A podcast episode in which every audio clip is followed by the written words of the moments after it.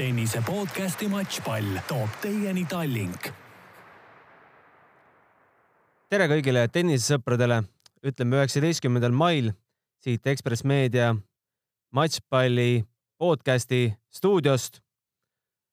minu tänaseks saatekülaliseks on äh, Eesti tennises võib-olla kõige tähtsam treener, sa oled Eesti koondise peatreener. äh, Anett Kontaveidi ja Kaia Kanepi ekstreener, hetkel juhendad äh, teisi Eesti noori. tere tulemast, Märten Tamla siia stuudiosse. tere päevast. räägi, Märten, kust, kust tulemas oled, kuhu minemas oled? tean, et Pärnus, Pärnust otse. jah, ei Pärnust otse vanema sünnipäevalt. aga Eesti tennises, mis sel nädalal või lähinädalatel siuksed kõige põletavamad asjad on? Noh, eks me kõik oleme loomulikult French Openi ootustes, aga suures tennises, aga, aga noorte tennises on meil praegu toimumas, hakkab nüüd kohe esmaspäeval Estonian Junior Open, kaks nädalat järjest.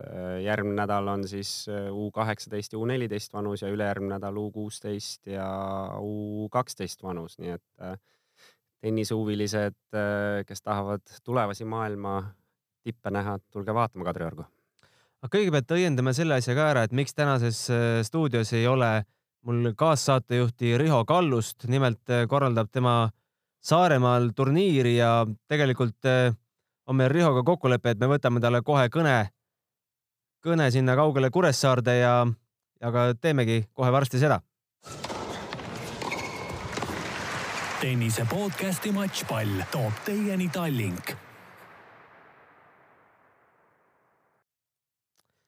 tere, Riho. tervist. räägi, sa käisid Rooma turniiril, kaua sa jõudsid seda vaadata ja mis sa kõike seal põnevat nägid? ja, ma olin Roomas esmaspäevast kuni, kuni neljapäevani, et nägin, nägin esimese ja teise ringi, teise ringi mänge, kuigi, kuigi teisel päeval sadas, siis üks päev jäid üldse mängud vahelt ära, aga, aga nägin, nägin erinevaid mänge, jah. mõlemat netimängu ka? Mõlemat netimängu väga kahjuks teisel mängu, teise mängu poole pealt ma pidin juba lahkuma, sest meil oli, meil oli õhtul, õhtul lend tagasi Tallinnasse. aga nii palju, kui sa nägid, mis mulje netimängud sulle jätsid? esimene mäng tuli kindlalt koju, teine mäng paraku kaotus? no ei tulnud see esimene mäng midagi nii kindlalt koju, et, et äh, monopartneriga mäng oli, oli väga-väga tasa, raske ja pikk mäng, et, et noh, selles mõttes väga-väga tubli, et Anett sealt, sealt välja tuli, et, et ega seal, ega seal lihtne ei olnud, väga pikad punktid ja, ja Moona tõrjus väga hästi Aneti teist servi, et see oli, see oli raske, raske mäng, aga, aga teine mäng jah, võib-olla natukene, võib-olla isegi mõnes mõttes hea enne, enne Roland Garrod, et, et ei pea ennast nii pikalt väsitama, et, et, et noh, tundus natukene võib-olla, et võib-olla, et Anett on, on natuke väsinud ka ja, ja ongi võib-olla hea, kui natuke puhkust enne, enne pikka turniiri mis mänge te seal põnevaid veel vaatasite, jõudsid ka tänaste finalistide Johanna Konta ja Karoliina Pliškova mõnda mängu vaadata? ja Johanna Konta mängu vaatasin ja Johanna Konta esimese ringi, ringi mängu ja Johanna Kontal oligi niimoodi, et tal oli, tal oli kaks mängu, kaks mängu oli järjest, kuna, kuna sadas vihma, et tal oli päris, päris raske, raske turniiri algus, aga, aga suutis sealt raskest, raskest olukorrast välja tulla. mis sa ennustad, võidab täna ka? Ma jään pöialt talle, mina olen tema poolt ja ma loodan, ma loodan küll. räägi nüüd paari sõnaga, mis seal Saaremaal hetkel toimub Saaremaal hetkel on aiatööd turniir on läbi? ei, turniir on Saaremaa turniir, Saaremaa kapi turniir tuleb juuni, juuni harrastajatele ja proffidele, et see on kuus kuni kaheksa juuni. et, et sinna, sinna on veel aega natukene. ahah minu enda väike valearvestus. ja, ja, ja, ja. ja tutvusta, kes sinna turniirile kõik tulemas on, ma tean, et mängid ka ise ühte põnevat paarismängu. ja minul on, minul on au mängida Tšiili tennisisti Hans Podlipnik Castilloga, kes on siis teatavasti mänginud ka Wimbledoni veerandfinaalis ja, ja ATP neljakümne piiri peal olnud paarismängus ja kunagi Saaremaa Openi turniiris Utšestoni üksikmängus. Et mina mängin temaga paari, siin on palju selliseid endiseid, endiseid ja, ja tänaseid häid mängumehi kohal ja, ja ka harrastustetist, et circa kakssada, kakssada inimest tuleb mängima. no see turniir algab siis, kui French Open on äh, poole peal või hakkab vaikselt lõppema, et äh, jõuad sa Pariisi ka? Ai vist see aasta, see aasta vist jääb Pariis, jääb vist Pariis vahele, et meil Saaremaal on, on pandud Roland Garros telk üles ja saab, saab veerandfinaale, poolfinaale jälgida sel ajal, kui, kui on see turniir, et, et kahjuks vist see aasta ei, ei jõua mm. -hmm. kuule, aga olgu äh,, aitäh sulle praegu ja järgmine kord äh, või ülejärgmine, loodame, et oled stuudios tagasi. aitäh, nägemist. nägemist tennise podcasti Matšpall toob teieni Tallink. noh, sihuke väike telefoni sutsakas siia vahele. Märten, sina, kui palju jõudsid äh, Rooma turniiri vaadata ja mis äh, mulje hetkel Anett jätab?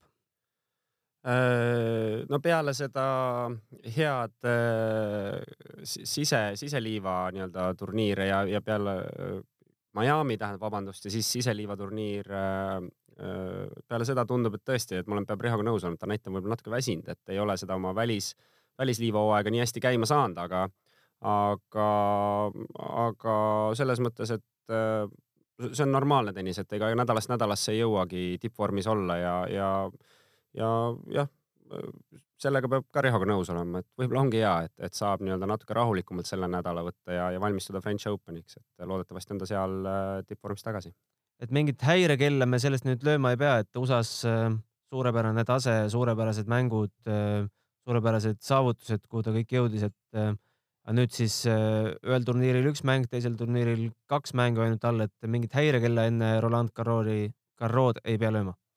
ei, mina küll ei arva, et peab, et äh, äh, Mon-, Mona Bartelliga võib-olla ei olnud äh, kõige parem mäng tõesti. Äh, aga, aga Sakkariga mängu ma kahjuks ei näinud, ei, ei olnud võimalik endal vaadata seda, aga, aga Sakkari on tegelikult liiva peal väga-väga ohtlik mängija, võitis just ennem seda äh, Marokos ühe WTA turniiri, nii et ta on liiva peal, on kindlasti väga nii-öelda konkurentsivõimeline ja, ja, ja tugev mängija, et, et midagi nagu ohtlikku võib nii-öelda häire, häire, häirekella löömise kohta küll ei ole finaalis mängivad Johanna Konta ja Karoliina Pliškova. võib-olla Konta on siin Eesti publikule kõige huvitavam, et äh, kaks korda siin Tallinnas nähtud, sina isegi oled pidanud oma tüdrukuid tema vastu ette valmistama. kuidas sa sellesse vastasseisu suhestud, on sul oma eelistus selles? ei ole mul mingit eelistust, et lihtsalt põnev matš tuleb tõenäoliselt, et äh, Pliškoval äh, väga hea serv, Konta, Konta ülistabiilne, üli selline noh, nii-öelda töökas või, või hästi selline distsiplineeritud mängija, et, et äh, peaaegu alati teeb nii-öelda selle oma ära, onju, et, et ma arvan, et siin tänases finaalis sõltub rohkem, kuidas Pliškoval välja tuleb ja, ja, ja Konta veid, Konta, vabandust, mängib nii-öelda teist viiulit, et, et, äh, et ei, ei, ei julge ennustada kellegi võitu ega kaotust, aga, aga ma arvan, loodan, et tuleb põnev mäng sellest hoolimata oled nõus, et Johanna Konta on äh, suures mängus tagasi, kaks aastat tagasi maailma neljas, nüüd siis äh, nelikümmend kaks ja tõuseb siin kõvasti veel, et äh, on tagasi.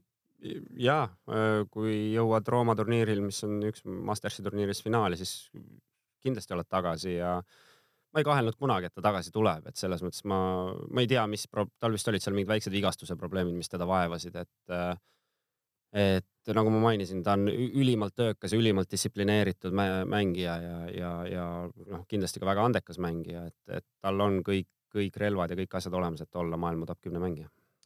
aga tuleme tagasi Aneti juurde, meil on ette valmistatud väike helilõik Aneti intervjuust Eesti ajakirjanikele pärast kaotust Maria Sakkarile. kuulame selle umbes minut kolmkümmend pika helilõigu tagasi ja helilõigu ära ja tuleme siis juttudega stuudiosse tagasi.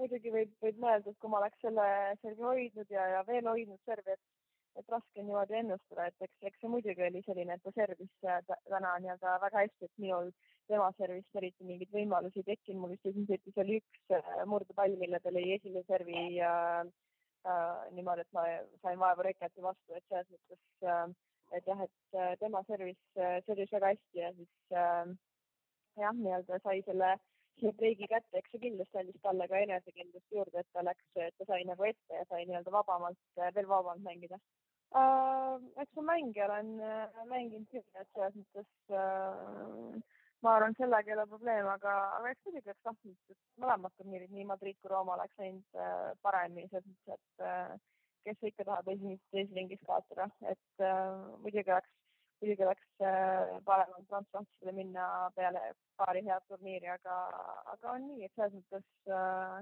midagi katastroofilist ei ole ja ma arvan, et mu mänguga midagi, midagi lahti ei ole selles mõttes, et äh, et eks äh, eelmine aasta oli, oli see teistpidi, et, äh, et mina olin see, kes nii-öelda mängis nende top kahekümne vastu ja mul ei olnud midagi kaotada ja oli nagu selline vaba tunne mängida ja mitte, et mul praegu midagi kuidagi krampis oleks, aga eks, eks nüüd on, nüüd on see, et äh, need, kes on võib-olla viiekümne või, või kolmekümne midagi juures nagu Maria, et neil on, neil ei ole mingit pinget minu vastu mängida selles mõttes, et äh, eks, eks, eks see nii on, et see on see rankingu see, eks, eks see nii käib. Anett tõi välja päris huvitava nüansi, et äh, olles nüüd ise maailma neliteist, viisteist sealkandis äh,, tema vastastel on äh, palju vähem kaotada kui temal. ja kindlasti ja just nii nagu ta ütles, et need, kes on äh, seal nelikümmend, viiskümmend ja tagapool mängijad, et nemad saavad tulla vabalt mängima nii-öelda nothing to lose, nagu öeldakse ja, ja, ja teine asi, mis nii-öelda mängib Aneti kahjuks, on ju see, et, et kui sa oled juba selline tippmängija, siis sind tahes-tahtmata äh, kõik näevad rohkem ja, ja kõik äh, vastaste treenerid ja vastased kaasa arvatud analüüsivad, et kuidas siis sinu vastu mängida, on ju, et äh, kui sa oled niisugune viiekümne mängija, siis sa oled justkui niisugune must hobune, kellest keegi midagi ei tea ja, ja, ja tuled ja, ja, ja, ja mängid, eks. no keegi ei kahtle selles, et Anetil on nüüd, noh, seda on palju räägitud, et Anetil on täielis, täiesti uus tase. ta servib teistmoodi. Ta on kindlam, ta tuleb välja uskumatutest kaotusseisudest. kuidas sina selle uue taseme sõnastaksid? mida Anett teeb teisiti, kui ta tegi eelmisel aastal samal ajal? Äh, ma ei, ma ei ütleks, et tal on kõik natuke paremaks läinud, aga ma, mina pigem äh, ütleks selle kohta niimoodi, et see on äh, töö, pika töö vili Anetil, et ta on ikkagi viimased paar aastat tunduvalt rohkem keskendunud oma treeningutele tean, ta eraldi tegeleb enda psühholoogia poolega.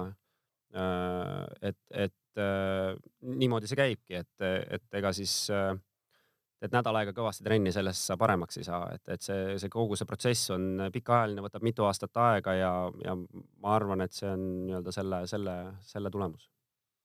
kindlasti ka treeneril on siin väga suur roll, me oleme näinud, meie telekasse jõuab see, kuidas see treener juhendab teda väljakul see on, äh, paistab üdini professionaalne, ta ei äh, raiska aega, ta räägib asjast. Äh, mis, mis toimub väljaku kõrval, sa oled natuke võib-olla seda isegi pealt näinud, midagi, midagi kuulnud? ei, selles mõttes, et äh, eks mina näen ju ka ikkagi seda, mis äh, teiegi telekas näete ja aga, aga rääkides Anetiga, siis äh, tõesti jääb mulje, et neil on äh, treeneriga, tema praeguse treeneriga on ülimalt äh, hea suhe omavahel, et, et äh, Anett respekteerib treenerit äh,. treener on samas on nõudlik äh,, professionaalne, täpselt nii nagu ühe tippmängija ja profitreeneri suhe peab olema. mida ta Aneti mängus on äh, muutnud? Äh, sellel tasemel on ikkagi mäng ülimalt äh, psühholoogiline Äh, et äh, ma arvan, et kõige suurem pluss praegu selle, praeguse treeneri puhul siis ongi, et, äh, et Anett on nii-öelda enesekindel, et ta teab, et nad on, teevad õiget asja, on õigel teel, et ta mäng areneb vaikselt kogu aeg. ja, ja, ja kui sa lähed väljakule teadmisega, et sa oled nii-öelda et sada protsenti ennast ette valmistanud, ei ole kuskil midagi tegemata jäänud, siis sealt tulevad ka tulemused, et äh, jah, natuke on servi teinud paremaks, ma ütleks, et ka natuke on Aneti mäng võib-olla stabiilsemaks muutunud, et, et sihuke löökide valik on natuke parem. aga, aga, aga jällegi see, see, see kõik on ka, ka psühholoogiaga seotud ja treenitusega seotud, et, et ähm, ma ei arva, et nüüd hirmus suuri muutusi on, on äh, treener tal praegu toonud. no mänguliselt äh, servist hakkab ju kõik pihta. mis on see nüanss, mida, mida Anett nüüd servides teeb teistmoodi kui kui aasta varem? no üks, üks äh, suur pluss, mis ma ise olen äh, tähele pannud, on see, et äh, just raskete seisude peal on Anett suutnud paremini servida. et, et ta on võib-olla natuke paremini selgeks saanud, mis on tema nii-öelda lemmikservid ja mis, mis rasketel ja tähtsatel momentidel tal paremini ja tihedamini välja tulevad, et siis ta kasutab neid te tehniliselt no natukene on, on paranenud ka, aga, aga, aga jällegi ma ütlen, et pigem, pigem on see selline men, nii-öelda mentaalne pool, et teadmine, mida sa oskad ja siis kasutad oma neid relvi õigetel hetkedel. on see kuidagi palli ülesviskel midagi teistmoodi või käelöögis? ei, ei minu arvates küll mitte, ei, ei ole mm. -hmm. mida, mida sina isiklikult ootad Roland Garrod, et eelmine eelmine aasta ta jõudis seal äh, vist oli kolmandasse või neljandasse välja kohe, jah, neljandasse ringi välja. Äh, tuleb vaadata mänghaavalt. ja no nagu alati, tegelikult iga turniir, aga eriti Grand Slamidel, et äh, Anetil on äh, samas äh, eelis, et tema on nüüd paigutatud mängija, et äh, ühest küljest on see eelis, nagu me just ennem siin ka mainisime, onju, et tema on paigutatud mängija tal vähemalt kaks esimest ringi paigutatud mängija vastu tulla ei saa. Äh, mis ei tähenda, et seal võivad lihtsad vastased olla, et tuleb seesama Johanna Konta, kes ei ole võib-olla veel kolmekümne kahe hulgas Roland Garros paigutused, ma ei tea, kas ta on või ei ole, aga näiteks, et tuleb talle esimene ring vastu ja, ja on väga keeruline mäng kohe alguses. aga, aga nagu siin mainisime ennem teisest küljest, et, et kõik need äh, kolmkümmend kaks kuni sada kakskümmend kaheksa, kes tal seal vastu võivad tulla, et need, nemad teda tunnevad, tema ei pruugi oma vastast üldse teadagi, eks, et, et et selles mõttes on jälle Anetil keerulisem. kui palju sa tead, kui palju Anett teeb eh, vastase kohta eeltööd eh, või tema treener, et kas see on väga oluline osa tema mängu ettevalmistuses? ja kindlasti on. Äh, noh, õnneks, õnneks enamus mängijaid ikkagi teatakse.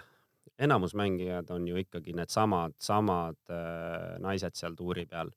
et see tagumine ots võib-olla seal muutub, eks, aga, aga äh, mis puudutab eeltööd, siis äh, näiteks jällegi Aneti professionaalsus või mis on äh, tema praegune treener temale kindlasti juurde toonud, et äh, Stuttgardis nägin, kuidas nad koos vaatasid oma järgmise ringi vastaste mängu onju, et, et siis tegi nii-öelda analüüsisid ilmselt ja, ja, ja proovisid midagi tähele panna, et, et ega siis turniirist turniiri tegelikult ka mängijatel muutuvad mingid elemendid, oleneb ka väljaku kattest onju.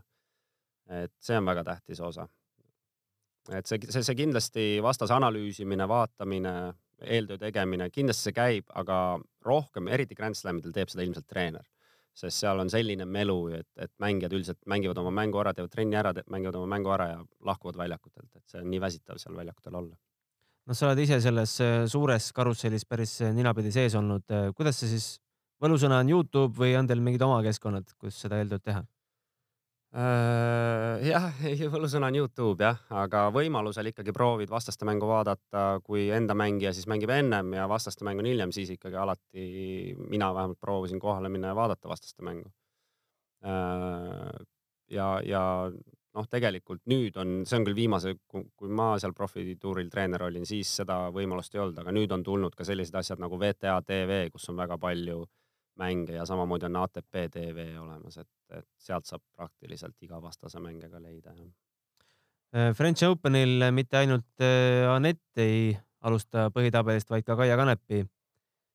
tema kohta me suurt mänguliselt hetkel öelda ei oska, viimane matš, mille ta mängis ja lõpetas, oli aprillis, äh, oli siis Volvo Car Open Charlestonis. Kaotas Daniele Collinsile kolmandas ringis Roomas pidi tulema kvalifikatsioonist, aga Kristina Mladenovitš pääses ilma mänguta edasi, sest eh, Kaial väidetavalt mingi väike viirushaigus. Mida sina ootad Kaiast või palju sa tema hetkeolukorrast tead? ei, ei tea Kaia hetkeolukorrast palju, aga ja, ja raske on ka palju oodata temalt, sellepärast et äh, Kaia puhul kahjuks ikkagi vanus on teinud oma töö ja tal on alati suhteliselt palju olnud vigastusi, et äh,, et äh, teisest küljest muidugi Grand Slamidel on, on, on, on see eelis, et kui sa mängid mängu, siis järgmine päev on vaba, et üle päeva on mängud, et ei ole nagu kehale nii, nii, nii väsitav ja nii koormav. et äh, Kaia, Kaia heal päeval on võimeline tegelikult kõiki võitma, et äh, vaatame, mis, mis tal, kuidas, kui ta suudab olla ilma vigastusteta terve, siis Kaia on üllatuse võimeline kindlasti, jah. Jürgen Sopp samuti alustab kvalifikatsioonist. Äh, viimane turniir äh, äh, Portugalis Pragas küll lõppes teise ringi kaotusega, aga, aga eelmine aasta näitas kolmandasse ringi jõudes, et kõik on Prantsusmaal võimalik. paar sõna temast. ja Jürgen on tegelikult talle mina isiklikult arvan, et talle Prantsusmaa see liivaväljakud sobivad hästi. et ta ei ole selline, ta on küll kõva löögiga mees, aga, aga ta minu arvates ei ole sihuke kiire väljaku mängija, et talle tegelikult liivaväljak, see ei ole, Prantsusmaal ei ole ka kõige aeglasemad liivaväljakud, need on siukse pigem kiired, kiiremad liivaväljakud, et et ma arvan, talle see sobib ja, ja kvalifikatsioonis on seal kõik mehed võrdsed, et kõik võitlevad selle eest, et pääseda põhitabelisse, et loodame, et ise loodan, et põhitabelisse jõuab ja siis juba sõltub väga palju loosist Jürgenil. Eks äh, tal võib olla see enesekindluse moment ka sel hetkel juures, et viimasel turniiril sai küll kaks mängu, aga kolm eelmist turniiri piirdus ühe mänguga, et, et mängud alla saada on ikka väga oluline asi, eks.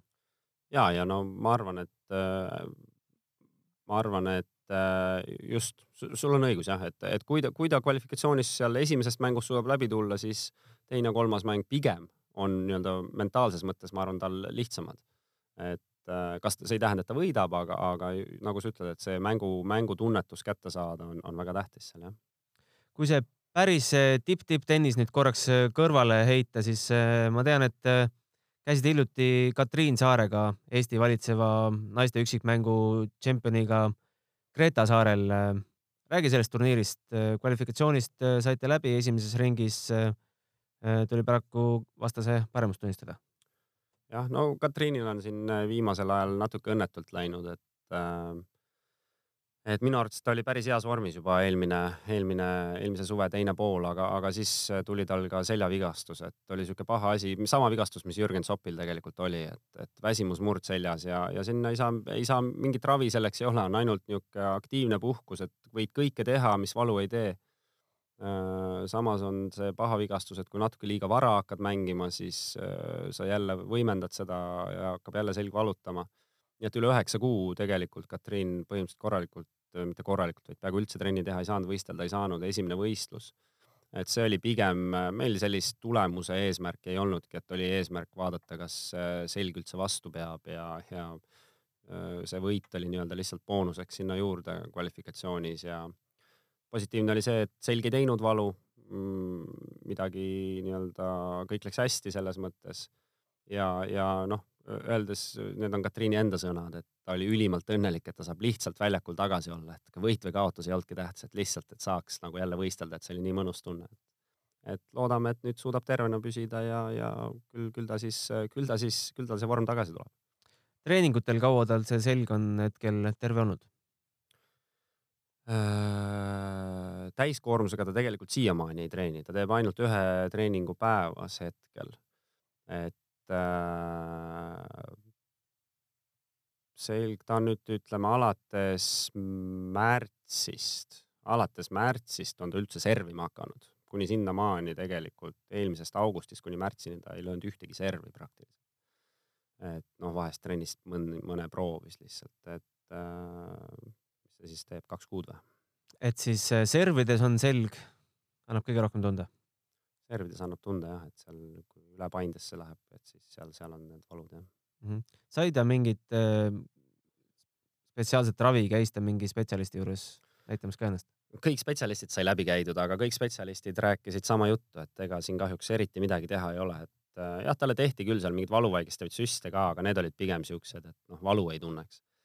et äh, jah, kahjuks selle vigastusega ei ole mingit äh, ravi olemas millal äh, uuesti teda väljakul näeb?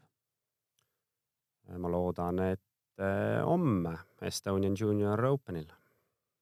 et ma tean, et võtsite küll sellise suuna, et hakkate mängima nüüd naistemänge rohkem, aga, aga ikkagi, kui Eestisse tuleb selline turniir koju, siis tuleb osa võtta? no loomulikult, kui kodus on ikkagi turniir, siis tuleb mängida, et kodus on äh, esi, üks asi kulude kokkuhoid, aga teine asi, et äh, see on nii palju mugavam, et sul on, sul on võimalik kodus võistelda, et seda tuleb igal juhul ära kasutada muidugi.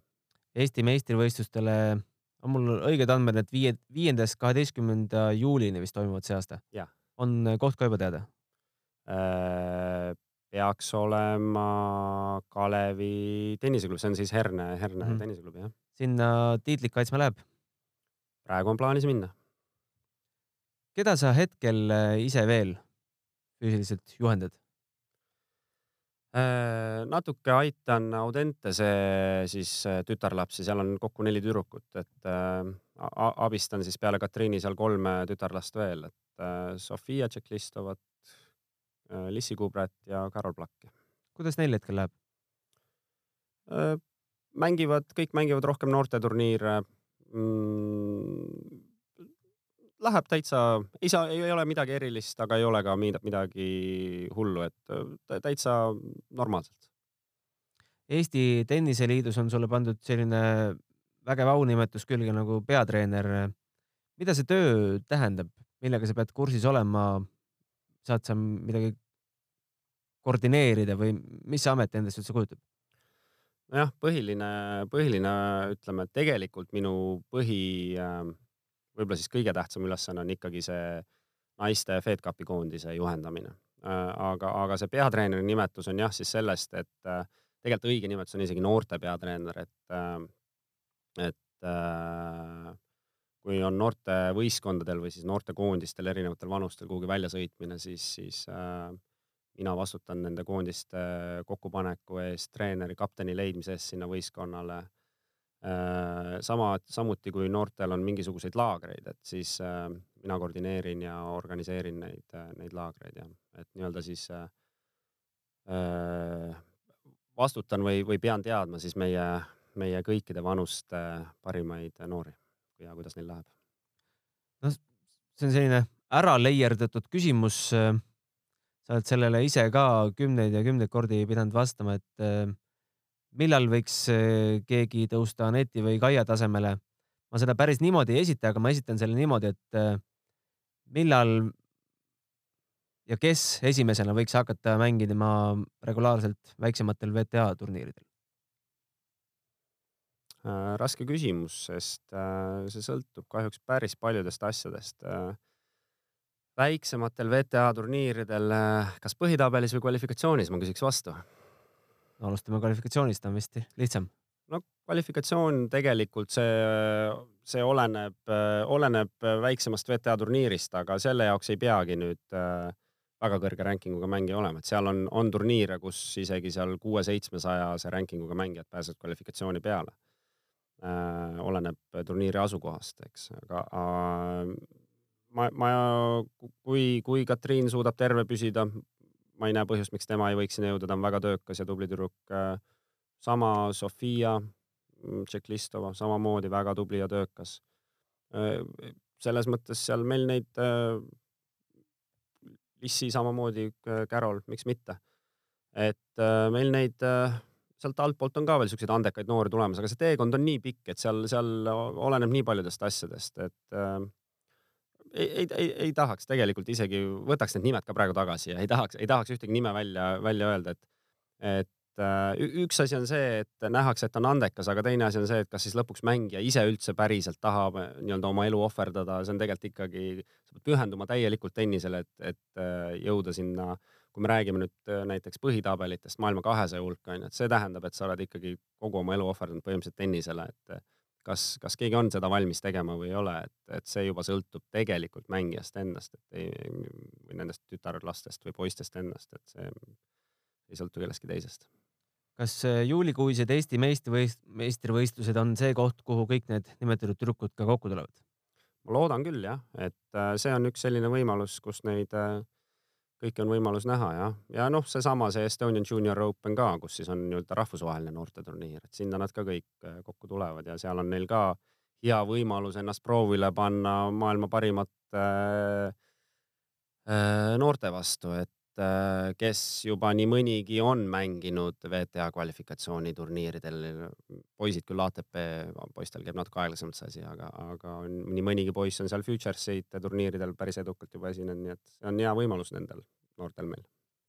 aga teeme siin äh, stuudiojuttudesse väike, väikse katkestuse veel, sest äh, veerand tunni pärast algab Roomas finaal Konta ja Pliškova vahel mida kommenteerib Mihhail Lehtmets Tatari tänava Babah meedia stuudiost ja meil on kokku lepitud, et äh, enne oma salvestust ajame paar sõna juttu. tennise podcasti Matšpall toob teieni Tallink. halloo, halloo, Mihhail, äh, oled äh, Tatari tänava stuudios valmis? täpselt nii. tere, tere finaalis Johanna Konta ja Karoliina Pliškova Roomas. Konta alistas poolfinaalis Kiki Bertensi, Pliškova eh, Maria Sakkari, kes siis alistas Aneti. on sinu hinnangul õiged naised finaalis? no tavaliselt öeldakse, et, et statistika ei valeta ja ju nad ikkagi õiged on ja ja kui Pliskova finaali jõudmine kindlasti kõige, maailma kõige suurem tennisünnatus ei ole, siis äh, siis Konta finaali jõudmine kindlasti on, aga sellist mängu, mida Konta meile eile poolfinaalis Kiki Pertensi vastu näitas, see on, on päris, päris ulmetase ja, ja ei oleks üldse ime, kui, kui Konta siit äh, ka täna selle finaali võtab endale. tõsi, tema finaalid on viimasel ajal väga õnnetud olnud, et kolm viimast finaali, milles ta üldse osalenud on, on ta kõigis kaotanud viimase, viimases kolmes nii-öelda, et äh, et no mulle isiklikult Konta mäng jättis väga-väga sümpaatse mulje ja, ja kindlasti see finaal tuleb äh, finaali vääriline. paar sõna netimängudest ka, mida sina, ilmselt sa oled sa Eestis üks väheseid, kes on neid kõiki nüüd viimasel ajal näinud, sest sa oled pidanud neid äh, ise kommenteerima. mis mulje Anett sulle esimeses kahes mängus, äh, noh, kaks mängu tal oligi siin turniiril, jättis, eriti selles teises? Mulle jättis ta pisut sellise hajeva mulje, et, et tundus, et, et võib-olla oli, oli, oli vaimselt ja füüsiliselt võib-olla kõige teravamas hoos ei olnud, et, et sellist äh, heas mõttes, nagu ma olen ka vahest siin öelnud, sellist tappevilku ma ta, ta silmis äh, see turniir ei näinud ja ja ega seal palju vaja ei ole, Sakari tegelikult, tegelikult ju mängis väga-väga korraliku partii ja, ja paraku see tennis nii on jah, aga mulle ta tundus ja, et, et võib-olla, võib-olla on ta ka, ka pisut vaimselt ja füüsiliselt väsinud, et ei olnud kõige teravam, ütleme nii. aga noh, ta enda intervjuudest eh, võib-olla sa oled kuulnud ja lugenud neid ka, et eh, püsib positiivne, et eh, ei pea French Openi eel väga millegipärast muretsema ei, absoluutselt, tegelikult ega mängudel otseselt ju midagi viga ei olnud, et see on ju, tipptennis on nii väikestes nüanssides kinni ja, ja kui ta ei, eks ta iseennast tunneb kõige paremini ja, ja, ja, ja ma usun küll, et mingiks paanikaks nüüd põhjust ei ole, et, et, et ta nüüd Sakarile kaotas, et et naiste tennis paraku selline on, et on meil siin suur valitseja liivaväljakul Halep jättis ka turniiri ju varakult juba, juba pooleli kaotas ja, ja ega, ega sellest ühest mängust või paarist mängust nüüd mingeid väga-väga suuri järeldusi teha ei, ei saa, et kindlasti ta siin, siin tuli nüüd mõneks ajaks Tallinnasse ja, ja võtab nii-öelda vabalt ja, ja hakkab valmistama Prantsusmaa lahkust, eks, ja kindlasti sealt ta sealt oma värskuse ja ja, ja hea enesetunde jälle üles leiab, et kindlasti paanikaks põhjust mina, mina küll ei näe. French Openil kas me saame üldse rääkida mõnest favoriidist, kes äh, kindlasti tabeli järgi, aga esimesed kolm-neli-viis, aga, aga tegelikult? nojah, et, et kui nii-öelda peaks raha kellegi peale panema, et, et noh, kindlasti väga hea mulje viimasel ajal liiva peal on jätnud Kiki Pertens on ju, olenemata sellest, et ta eile Kontale kaotas no nüüd äh, lugeda selle turniiri põhjal kontat äh, French Openi favoriidiks on äh, natuke, natuke kindlasti liialdus, et kui, kui mõni tennisesõber seda ei tea, siis, siis Johanna Konta pole Prantsusmaa lahtistel mitte oma karjääri jooksul mitte ühtegi matši võitnud. et, et aga, aga tõepoolest, et eks, eks Bertens ja, ja kindlasti vana kala Halep võiks need võiks need võib-olla kaks kõige teravamat tippu olla ja, ja siis äh, loomulikult tugevad võimsad tšehhitarid Pliskova ja, ja Kvitova ja, ja noh, ärme unustage seda, et kaks viimast Grand Slami on võitnud maailma praegune esirekord Naomi Osaka. et äh, tema liiva turniiridest me väga selget äh, märki nii-öelda ei ole, ei ole näinud, et, et on ta siin paar turniiri järjest vahele jätnud või tähendab pooleli jätnud.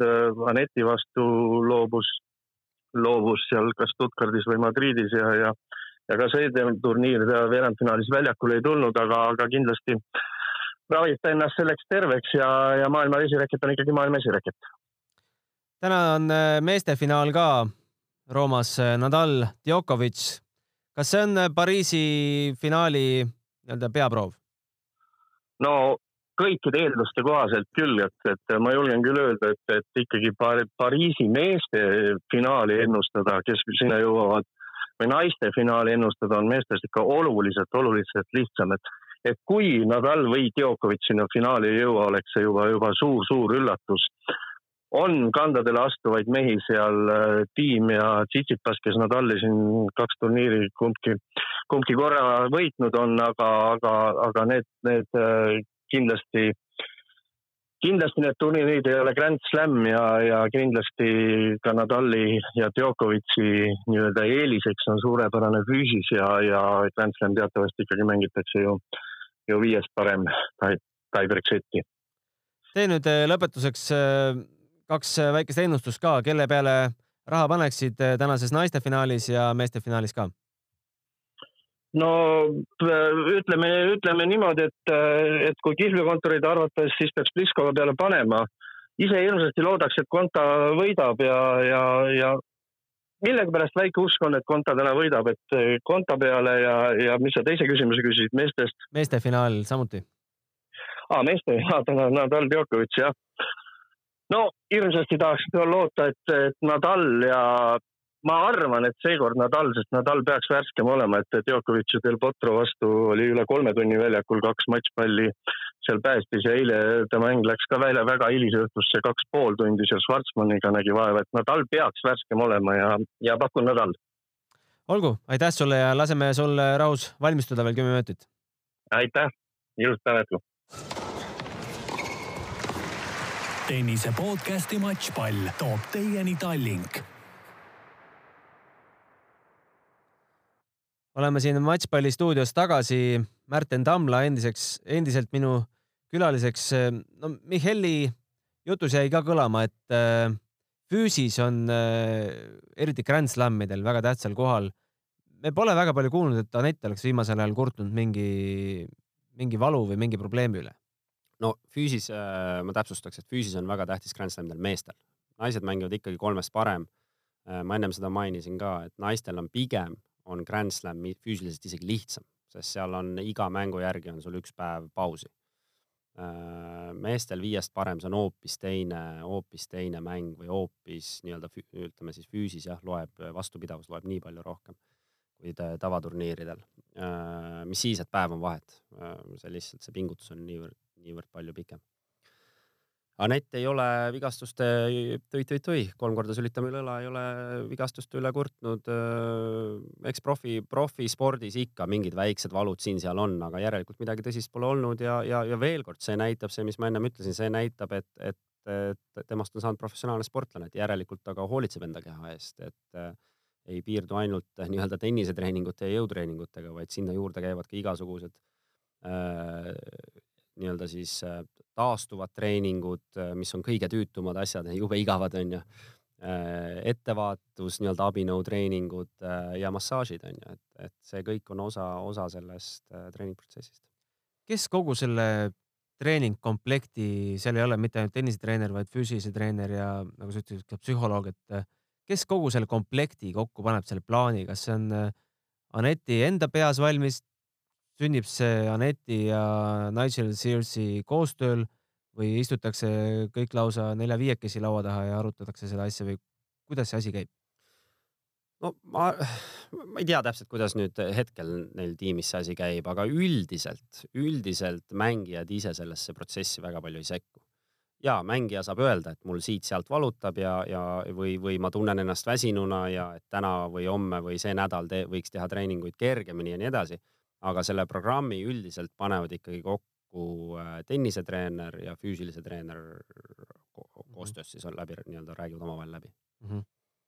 et äh, Anetil siin äh, nii-öelda kindlasti on sõnaõigus, aga, aga sa ütled, et äh, tema nagu plaani kokku ei pane. ei, ei, pigem mängijad ei tee seda jah, et äh, selle jaoks ju tal treenerid ongi oma ala spetsialistid, keda ta usaldab ja ja, ja nemad siis, nemad kindlasti, nemad ütlevad äh, mitu, mitu, mitu tundi on vaja tennist mängida ja, ja mitu tundi on vaja füüsilist teha ja, ja, ja millal on vaja puhata kui sina nüüd viimati Kaia Kanepiga tiirutasid seal VTA karussellis, kas asjad käisid samamoodi? ja suures piires käisid asjad samamoodi. Vot see nüüd ongi näiteks hea näide, kus mängija siis sekkub, et noh, Kaia, Kaia puhul tal oli igasugu väikseid vigastusi peaaegu kogu aeg, et siis, siis Kristjan Prüüs oli sel ajal siis füüsilise treener, et siis äh, kui Kaial kuskil seal selg või tihti oli tal puusade, puusad valutasid, et siis äh, sellega neid, neid, neid asju arvesse võttes tuli siis treeningplaane muuta, aga, aga, aga jah, ega nii-öelda meie ütlesime või treenerid ütlesid, et millal toimub trenn ja kui palju on trenni. Äh, Kaia lihtsalt ilmus kohale, tegi alati sada protsenti oma asjad ära, välja arvatud siis juhul, kui ta ütles, et näed, mul on vigastus, ma ei saa seda, seda asja teha, onju mis ma sinu puhul tahtsin veel äh, teemaks siin äh, saate lõppu tõstatada. et tennisetreenerite maailm, kuidas, võtame nüüd selle sama Aneti näite, Nigel Sears vahetas välja Hollandi treeneri Glen Sharpi. Kuidas tennisistid endale treenereid valivad? ma olen kuulnud, et on mingid agentuurid vahel, et päris nii, et kuulsin siin treeningul, et sul ei ole treenerit, äkki tulen ise su treeneriks, päris nii need asjad ei käi no päris nii need ei ole jah äh,. eks seal on äh, jah, üldiselt on mängijatel oma agendid äh,. Anetil on äh, oma agentuur äh, siis temal ainult siis nii-öelda tema agent, eks äh,, kes siis äh, kui Anetil on uut treenerit vaja, tema siis aitab, aitab leida äh, treeneri see üks variant on siis, et on nendel agentuuridel välja, suurimad on need IMG on ju äh,, Octagon Äh, nendel on siis oma sellised, no mitte lemmikud, aga noh, kes on nendega koostööd pikalt teinud, treenerid ja, ja nemad siis teavad, et milline treener parasjagu sellest seltskonnast vaba on ja siis soovitavad ja viivad kokku. läbirääkimised juba siis toimuvad mitte küll Aneti vahel, vaid siis Aneti, Anetil on ka oma mänedžer, ehk siis mänedžer peab siis läbirääkimisi. loomulikult on seal ka Aneti, Aneti sõna öelda, kas talle sobib see treener või ei sobi. ja, ja veel üks variant on siis see, et, et äh, on olemas selline keskkond nagu Orange Coach on selle nimi, et see on siis nii-öelda äh, noh, natuke nagu CV keskus või mis see mm, -hmm. mis see Eestis meil siin on, töö, töö, töö ja töö otsimise portaal, et, et selline asi on tegelikult äh, treeneritele ka olemas, aga, aga, aga profimängijad ei lähe siis sinna nii-öelda, sinna ei vaata, et kes treeneritest otsib, et seal ikkagi tegeleb jällegi nendega eraldi inimene eraldi, selle jaoks on noh, eraldi niisugused inimesed, et, et Äh, jah, eks see nii käib. et see Orange, Orange Coach on rohkem noormängijatele? ei, ei ole rohkem noormängijatele, lihtsalt see, ütleme siis Orange Coach on, äh, see on kõik, sinna mm -hmm. võib alates sellest, et, äh, et noor treener, kes alustab oma karjääri, kirjutab, et mind, mind huvitab, et ma tahaksin kuskil välismaal treener olla talle võib sealt niipidi tulla pakkumine või siis näiteks mingi klubi Inglismaal kirjutab, et me otsime U kümme projektile treenerit või, või U kaheteist viiele mängijale treenerit ja siis, kes sinna siis oma selle CV saadab. aga, aga profimängijate puhul siis noh, seal neid tööpakkumisi ja töötahtjaid on tuhandeid, võib-olla isegi kümneid tuhandeid. et siis äh, profimängijate puhul seal ikkagi äh, ütleme, pannakse nii-öelda suheldakse otse siis treeneritega, kes on ilmselt mingid lepingud sõlminud selle Orange Code'iga, nii-öelda endised profitreenerid, eks, või, või praegused profitreenerid. oletame nüüd, et äh, Eesti treener tahab saada Eesti mängija, mängija juhendajaks. Äh, kas siis äh, asjad on täpselt samamoodi või Eesti tasemel võib ikka otse, otse ka ligineda? noh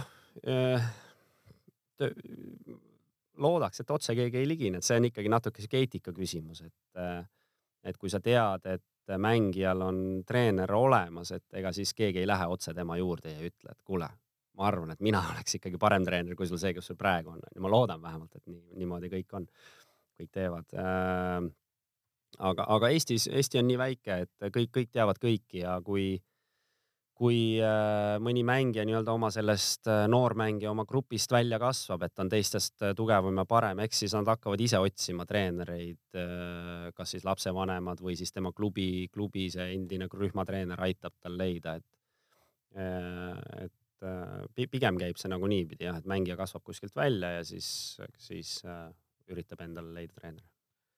aga lähme siis konkreetsemaks, kuidas sinust sai Kaia treener ja kuidas see protsess nii palju, kui sa mäletad, välja nägi? Äh, no Kaia treener oli isegi niisugune, ma ei ütleks, et loomulik samm, aga, aga pigem äh, ma alustasin ju tegelikult Anetiga, kui Anett oli veel äh, neljateistaastane äkki, aga oli juba Eesti meister olnud ja juba oli siin häid tulemusi noortes rahvusvaheliselt näidanud, et siis see, see protsess nägi välja niimoodi, et Aneti ema tuli ükspäev minu juurde ja küsis, et kas sa oleksid nõus teda juhendama ma olin sel hetkel noorte samamoodi rühmatreener. võtsin tegelikult päris pikalt mõtlemisaega, aga see ei olnud lihtne otsus ja, ja, ja meil läks hästi, tulemused olid head. ja siis, kui me Anetiga lõpetasime, siis äh, just sellel hetkel oli Kaia lõpetanud tegelikult Silver karjusega, oli vigastatud, et kuidagi sealt äkki isegi läbi Prüüsi tuliseb, et kas sa ei tahaks tulla proovima, ma täpselt ei mäletagi, et see, see oli kuidagi nagu asjade loomulik jätk sinna. kui sinu ja Kaia koostöö lõppes, palju sulle tuli uusi pakkumisi sellest samast suurest karussellist? Neid ikka on olnud jah, et on olnud paar vene mängijat, on pakutud sealt IMG-st mulle paari mängijat Prantsusmaalt on mitte küll prantslasi, aga nii-öelda sellest Muratoglu akadeemiast on pakutud, aga ma, ma olen kõik tagasi lükanud, et äh, ja pea, pea mitte sellepärast, et ma ei tahaks, vaid äh, peamine põhjus on see, et, et ega see ei ole, see ei ole nii-öelda meelakkumine, et, äh, et kui ma oleks vastu võtnud mõne vene mängija pakkumise, see tähendab seda, et ma oleks no, reaalselt pidanud Eestist ära kolima, et, ähm, et ma ei olnud selleks valmis, et mul on oma pere siin ja, ja et äh, ma selliseks sammuks valmis ei olnud. kas sa välistad selle, et sa kunagi veel seal karussellis võiksid tiirelda või, äh, või ei välista? Äh, ma kindlasti ei välista seda, et ma mõne Eesti mängijaga seal võiksin tiirelda, sest Eesti mäng, nagu ma ütlen, Eesti mängijaga on lihtne, et kui sul kodubaas jääb ikkagi Eestisse, siis on ka treeneril, Eesti treeneril lihtsam onju, või vähemalt ma näen, et mul endal oleks lihtsam. ma ei välista ka, et ma mõne välismängijaga võin seda teha, et jätame, jätame uksed avatuks. millal, noh, sa ilmselt nime ei pea ütlema, aga millal viimati sulle nii-öelda läheneti selle küsimusega, et kas sa võiksid olla selle või selle tüdruku treener? Äh, viimati kohe täitsa niimoodi otseselt mõne ühe, see oli tegelikult üldse pakuti poissmängijat, oli siis, kui me olime äh, Katriiniga Orange Bowlil, kui Katriin seal võitis et eks see nii käibki, et treeneril on head tulemused ja siis jääd silma ja tullakse kohe nagu rääkima, et äh, pakuti jah ühte mängijat, äh, kes õpib seal Prantsusmaa Muratoglu akadeemias. aga, aga jah äh,, ütleme seda veel lisaks siia ka, et kui sa seal suures mängus kogu aeg sees ei ole, siis sinna niimoodi tagasi jälle murda on, on päris keeruline. et äh,, et selles mõttes ma ei välista seda, aga, aga kindlasti ega seda kerg-, lihtne teha ei ole, kui siit jälle mõne Eesti mängijaga sinna tippu ei tõuse, onju. siis äh, endised äh, tiitlid ja saavutused ei maksa enam nagu midagi, et Wimbledoni veerandfinaal.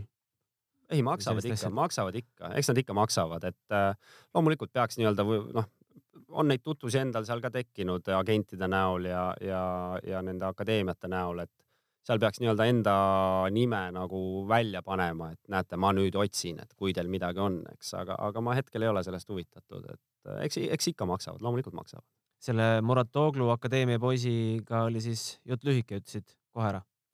ja ei, seal isegi ei läinudki nagu selles mõttes jutuks, et küsiti, et kas sa oleksid valmis ja ma ütlesin ei, et näed, mul on hetkel siin oma mängija Eestis ja mul on, mul on siin asjad piisavalt korras ja piisavalt hästi, et, et ei ole huvitatud oled ise sel aastal ka minemas mõnda suurt turniiri oma silmaga vaatama?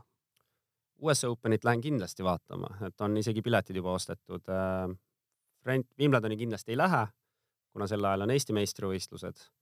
Äh, French Open on mul alati selline, et äh, sinna, kuna see on nii lähedal ja nii lihtne on sinna minna, et siis seda otsust ma tavaliselt teen viimasel hetkel, et pla plaani nii-öelda hetkel ei ole, aga võib-olla lähen. on niimoodi viimasel hetkel saadaval pileteid?